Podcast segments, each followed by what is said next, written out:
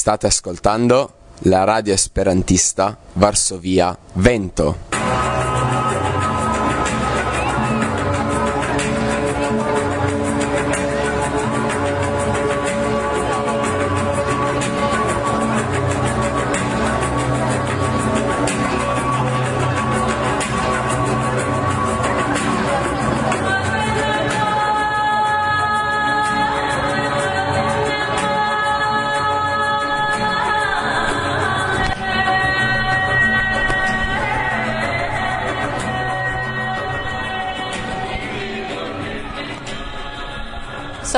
Saluton. Saluton. Hodiaŭ el la sepdek naŭa Esperanto kongreso salutas vin Martusia, Irek kaj Dorota. Al la kongresejo karaj alvenas pli kaj pli da homoj alveturantaj el la tuta mondo. Temperaturo ankaŭ kreskas. Ne nur ekstere, sed ankaŭ ene. Do pro la alvenoj de la partoprenantoj la ĉefa punkto de hodiaŭa programo estis distribuo de la dokumentoj. Grave. Sed ne nur, ĉar eh, por la partoprenantoj okazis ankaŭ seminarioj, unuaj ekspozicioj, prelegoj kaj komprene kompreneble kunvenoj. Ĉiuj havis ankaŭ ŝancon partopreni en la katolika diservo. Pri kio temas? Post kelkaj minutoj kara vi ekscios, aŭskultante Markon. Volonte mi ekscios. Aleluja. Revenu ni do la programo. Nokte okazis la mezepoka parado kaj ni aŭskultis kompreneble nian karan kaj ĉiam mojosan iomon. Ĉiuj kriis: Jomo, jomo, jomo. Certe ĉiuj amas muzikon de jomo. Li koncertis en la plej turisma placo de Malnova urbo. Por ke ne nur la esperantistoj provo revo auscultilian mojosan muzikon, sed ankaŭ la turistoj, eh, kiuj estas en Mazara, eksciu ion pri Esperanto. Kaj fakte kolektiĝis amasego da turistoj. Mi ne troigos, se mi dirus pli ol mil. Laŭ mi mankas en la programo komuna granita gustumado. Do simple proponu tiun programan punkton al la organizantoj. Mm eble ne, ĉar tio estas tro bagatela temo por la kongreso. Lasu ni ĉi tion, ĉar homoj celte atendas novaĵojn. Fakte, ĝuu do la duan tagon de la sepdeknaŭa Esperanto-kongreso en Italio. El la plej suna kaj plej esperantista Mazara del Vallo, ni deziras al vi bonan aŭskultadon. Bla bla bla.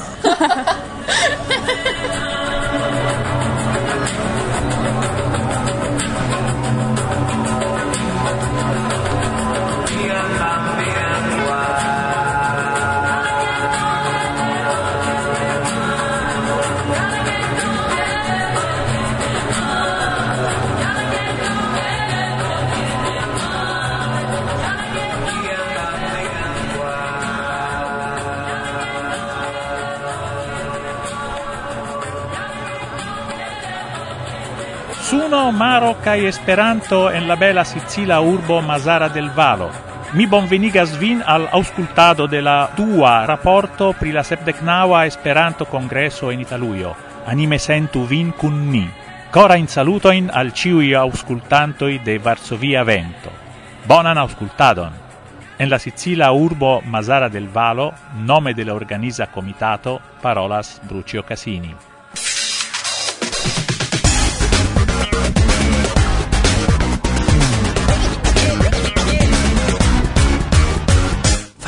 Via Vento. Saluton, mi estas Mark Cuffy, mi venas el Ostende, Flandrio, la nederlandlingva parto de Belgio, kaj nun mi parolas pri mia partopreno al la diservo. Do, la diservo okazis je la sepa vespere sabate en la katedralo de Mazaro del Valo. La pastro parolis Esperanto. Do preskaŭ la tuta diservo okazis en Esperanto. Nur kelkaj partoj kiel la unua legaĵo, la dua legaĵo kaj la evangelio estis dulingve kaj la komunio estis en la itala. Post la diservo, la pastro dankis nin kaj donis al ĉiuj postkartojn.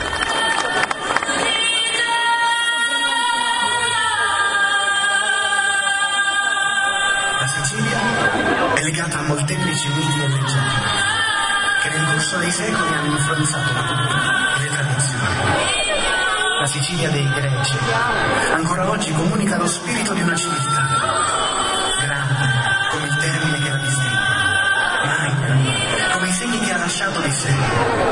Omero nell'Odissea narra che Ulisse naufragò con i suoi compagni nelle spiagge di Sicilia. L'eroe greco con i suoi compagni achei gli dei dell'antica Grecia, Artemide, Era, Afrodite, Poseidone, Circe, Porce, Penelope.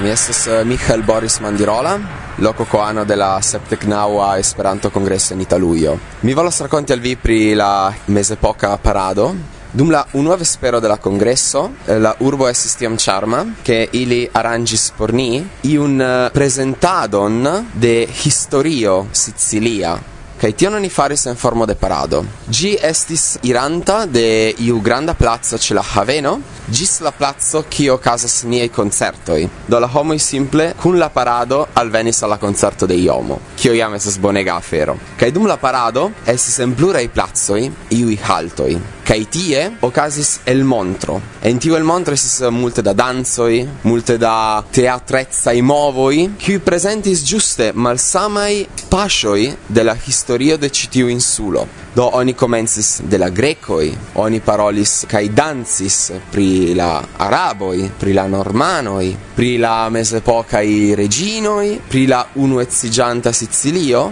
kai pri la post Italio nuigia Sicilio. Kai en ciu ero estis tradizia danzo, presento compreneble de la historia e eventoi, tradizia e costumoi, kai cio ci en iu speciala ni diru arta schnuro qui iris tra la tuta parado kai tra la tuta urbo. Estis iu esperantisto qui partoprenis, ili estis inspirita de tiu historia culturajo che ili preferis resigni pri la vespermangio por partopreni in citiu parado, che estis tute honorinda sinteno.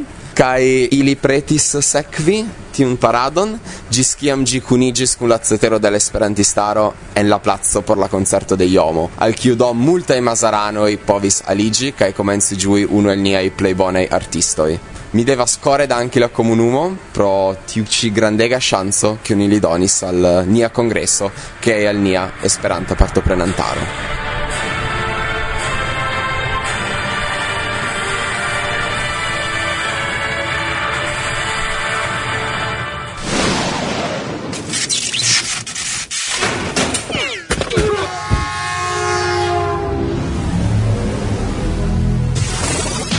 Saluton, mi estas Herchak el Belgio, el Antwerpeno. Kaj ĉi tie estas la foiro en Italio. Mi kunportis kelkajn librojn de Flandrio. Ni havas eldonejon kaj eldonas monaton kaj ĵus eldonis novan bildfortaron. Do mi montras ĉi tie la pasantojn kaj esperas ke tiel ili ekkonas speranza Ĉe la foiro estas diversaj libroj kiun ili proponas, estas ankaŭ apude filatela budo kiu qualche povas aĉeti vitalajn eh, filatelaĵojn kaj kelkaj homoj nekongesanoj, lokuloj venis kaj demandis per pri Esperanto kaj bebigis. Bedaŭrinde mi ne povis vi ilin, ĉar mi ne parolas sta italan sed mi vidis ke jes estis kelkaj homoj kiu eh, parolis kaj demandis pri Esperanto. Kaj mi estis ĉi tie kaj mi laboris, mi volis kolekti monon por Esofo, sed neniu bedaŭrinde volis subteni karan Esofon. Do kare aŭskultantoj memoru ke ni daŭre kolektas cent mil eŭroj por la Esofo. Vi povas trovi pli da informoj en la paĝaro kampanjo.xo.net kaj ankaŭ tie vi povas sendi per reto monon. Subtenu Esofon. Ĝi estas mojosa kaj helpas al esperantistoj al disvolviĝo de nia kara lingvo. Saluton. Saluton Marta. Mi nomiĝas Gražina Opulskene kaj mi venis de Litovio. Rakontu al niaj kare aŭskultantoj pri viaj taskoj dum tiu ĉi itala kongreso. Mi havas unu seriozan taskon. Mi gvidos kurson por jam parolantaj sufiĉe bone, progresigan kurson por esperantistoj kaj la tuta kurso estas bazita sur fabeloj. Do estas iomete fabela kurso, ĉar fabeloj donas multe da temoj pri la tuta vivo pri plej diversaj aspektoj de la vivo, kaj mi elektis ĝuste tion. Kaj ni laboros ĉiutage po tri horojn, krom ekskursa tago. Do tio estas la tasko, sed mia persona tasko estas ekkoni Sicilion kaj ĝui la kongreson kion vi opinias pri la urbo kaj la kongreso ĉar jam komenciĝis. Jes komenciĝis. Kelkaj lokoj estas ege belaj sed ĝenerale ne estas iu belega urbo. Sed naturo de Sicilio estas mirinda pejzaĝo estas mirindaj oni nepre devas foje veni ĉi tien por vidi kiom speciala povas esti pejzaĝo. Kaj mi pensas ke Mazara del Vallo tiu ĉi urbo kion mi vidis ankoraŭ malmulte estas tre simpatia. Do mi ĝojas ke kongreso estas ĉi tie. Mi volas deziri ankaŭ al vi sukcesan kongreson, ĉu estas via unua itala kongreso? Unua. Ah, Aĝu ĝin, ĉar mia estas la dua itala kaj mi estis en itala junulara kongreso ĉi printempe kiu estis en urbo Cerbia. Nepre ĉeestu ĉiujn noktajn mojosajn programerojn. Tio estas la razino sur kuko de la kongreso. Salutojn kaj kisojn al ĉiuj, kiuj min amas kaj kiuj amas min. Dankon. Dankon al vi. Intercona Vespero. Ok. No, homoj. Unua demando. Prima domanda. Kiu estas esperantistoj? Ĉi tiu flanco de la plazo, homoj, estas dinamica vespero. È una serata di dinamica, quindi gli esperantisti da questa parte. Ehi! Alzatevi gli esperantisti di qua. Non funziona, non Homoj! Ci volas vere sidi la tutan tempon. Do, mi audas ne. Do, tiu caso starigiu, homoj. Dinamicai homoj, junuloj.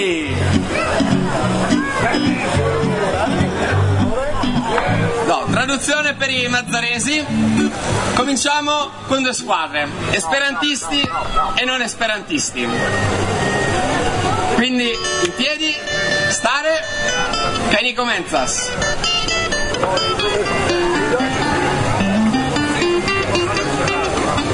Ci tie, ci tie, è l'antaua parto.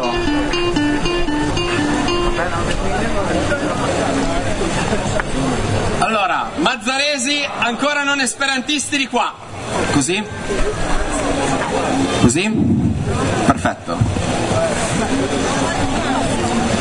Kainun. Mi petas. due rondo. En ĉi tiu flanko la homoj kiuj estas nuova al Italujo kaj en tiu flanko tiu kiuj jam estis en Italujo.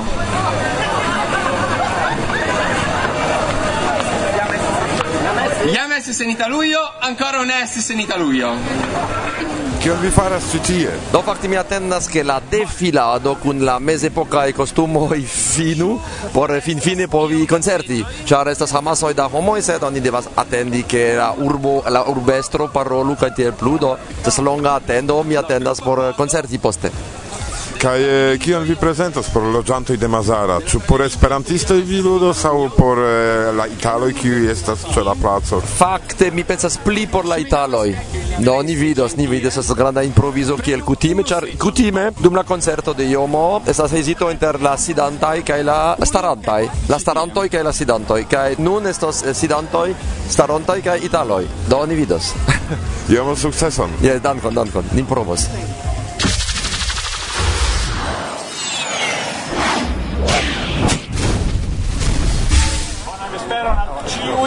Ciui kai cefe alla esperantistoi della congresso, qui venas el 34 landoi della mondo, kai ia sense donas omagion alla historio de Masara del Vallo per ilia partopreno. Abbiamo voluto chiedere a Carla Favata di realizzare uno spettacolo sulla storia della Sicilia proprio nella giornata in cui sono presenti questi convegnisti provenienti da tanti paesi. Mi volis demandi al signorino eh, Carla Favata che regisoris la spectaclon della Historia Parado prepari un spectaclon historian giuste en la tago kiam c'è estas, ec c'è estas tiom da personoi de tiom da landoi. E questa è un'iniziativa, cara Carla, che ripeteremo ogni anno, visto il grande successo che ha ottenuto. Kai tion iniziaton, signorino Carla, ni ripetos ciun iaron, eh, char ni vidis la grandan successon kion gi atingis. Così come spero che l'occasione di vedere tanti convegnisti intorno all'Esperanto possa ripetersi nei prossimi anni. Tiel kiel mi esperas che vidi tiom da personoi circa o Esperanto qui venas el tiom da e povu ripetigi en la venontai iaroi. Desidero, caro professore Casini, ringraziarla vivamente per aver scelto la nostra città e dare quindi alla nostra città un grande palcoscenico internazionale. Mi desiras danki eh, signor Massini che estas mi pro tio che mi electis ilian urbon eh, kai tiel permessi al tiu urbo eh, havi internazian reechon e desidero ringraziare tutti voi per il calore che avete portato nella nostra città. Noi siamo una terra molto calda, come avete anche potuto sentire, ma questo vostro entusiasmo non ci ha certamente portato dei danni, tutt'altro. Kaj mi volas danki vin ĉiuj eh, por tio ke vi venis al nia urbo. Vi vidas ke nia, nia urbo estas tre varma etoso kaj eh, via alveno portis al ni ancora pli favoran eh, medion, pli favoran situazion. Dankon. E desidero anche portare il saluto e ringraziare quindi tutti gli artisti che avete contattato e coinvolto in questa iniziativa. Il ringraziamento affettuoso della città di Masara del Vallo. Okay. Mi desiras doni la uh, coran dankon de nia, de nia urbo anche alla artistoi che vi invitis por uh, tiuci, por esti tiuci plazo dum la semaino.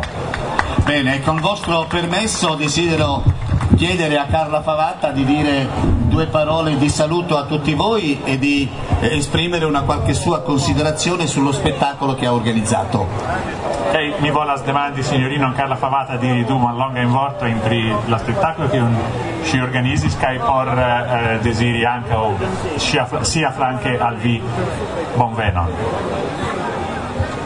Grazie al sindaco Tanto. per aver permesso la seconda edizione della parata storica del Mediterraneo Trinacria Incanto e Meraviglia. dankon ankaŭ al, al la urbestro por che tio, por tio che li permessi la tua nel donon de la historia parado eh, la titolon viam audis. E un grazie ai circa 200 partecipanti della parata storica, artisti, figuranti, ballerini, ehm, grazie a tutti voi per aver partecipato a questa parata, ma anche un grazie alla costumista Rosalba D'Annibale. Ehm, al eh, al, al ducent partoprenantoi della eh, presentoi dum la historia parado, kai dankon anche alla costumista alla costumfaristino Rosalba. Rosalba D'Annibala. E arrivederci al prossimo anno. Gis revido al venonta iaro. Yes. Sì, di- direi arrivederci al prossimo anno ad entrambi da parte di tutti noi. E Kainun e adesso al vi- a voi Jomo! Saluto amico!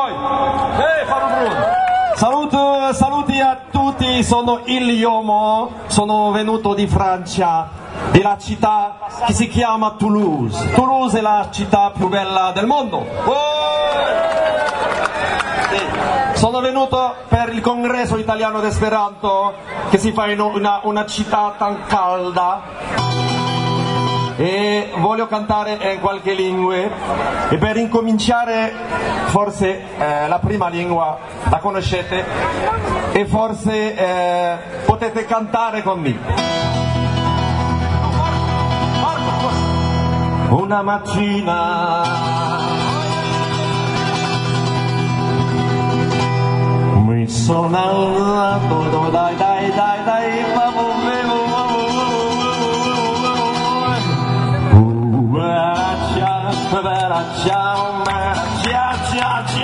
Una mattina mi sono alzato, ho trovato più un invasore, un partigiano, portami via. Oh, bella ciao, bella ciao, ciao, ciao, partigiano, portami via. E io mi sento di morire, Mm, se io muoio da partigiano, oh bella ciao, bella ciao, bella ciao, ciao, ciao, se io muoio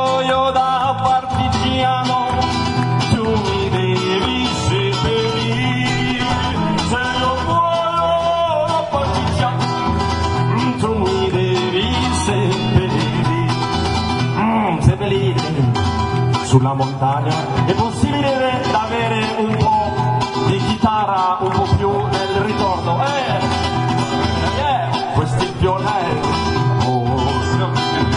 oh, oh yeah. Io mi diris io mi la cantò mi la parola eh, e mi ne frustia sta testo eh. o seppellire eh, sulla montagna eh, e l'unici dove la ciao bella ciao ciao ciao seppellire sulla montagna all'ombro di un bel fior. Seppellire sulla montagna all'ombro di un bel fior. E tutti quelli ah, tutti quelli che passeranno. Oh, bella ciao, bella ciao, bella ciao, ciao, ciao,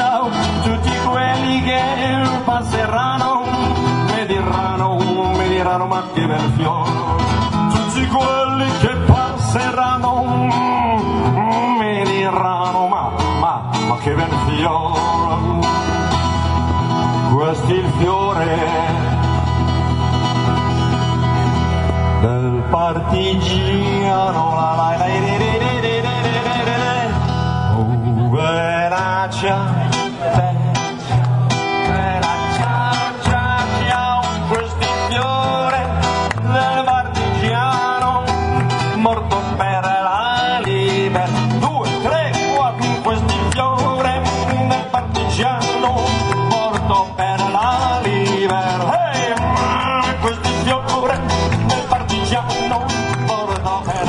ŝajne ĉio en hodiaŭa programo. Adiaŭas vin el eh, suna kaj varmega mazala de valo. Dorota, Martusia kaj Irek. Ĝis morgaŭ, ĉu? Ĝis, karaj!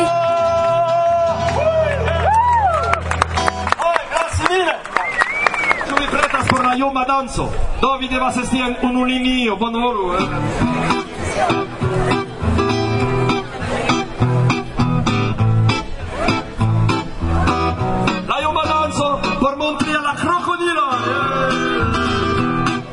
piesa devas esti kun malmolaj genuoj do mi devas varmigu la, la genuoj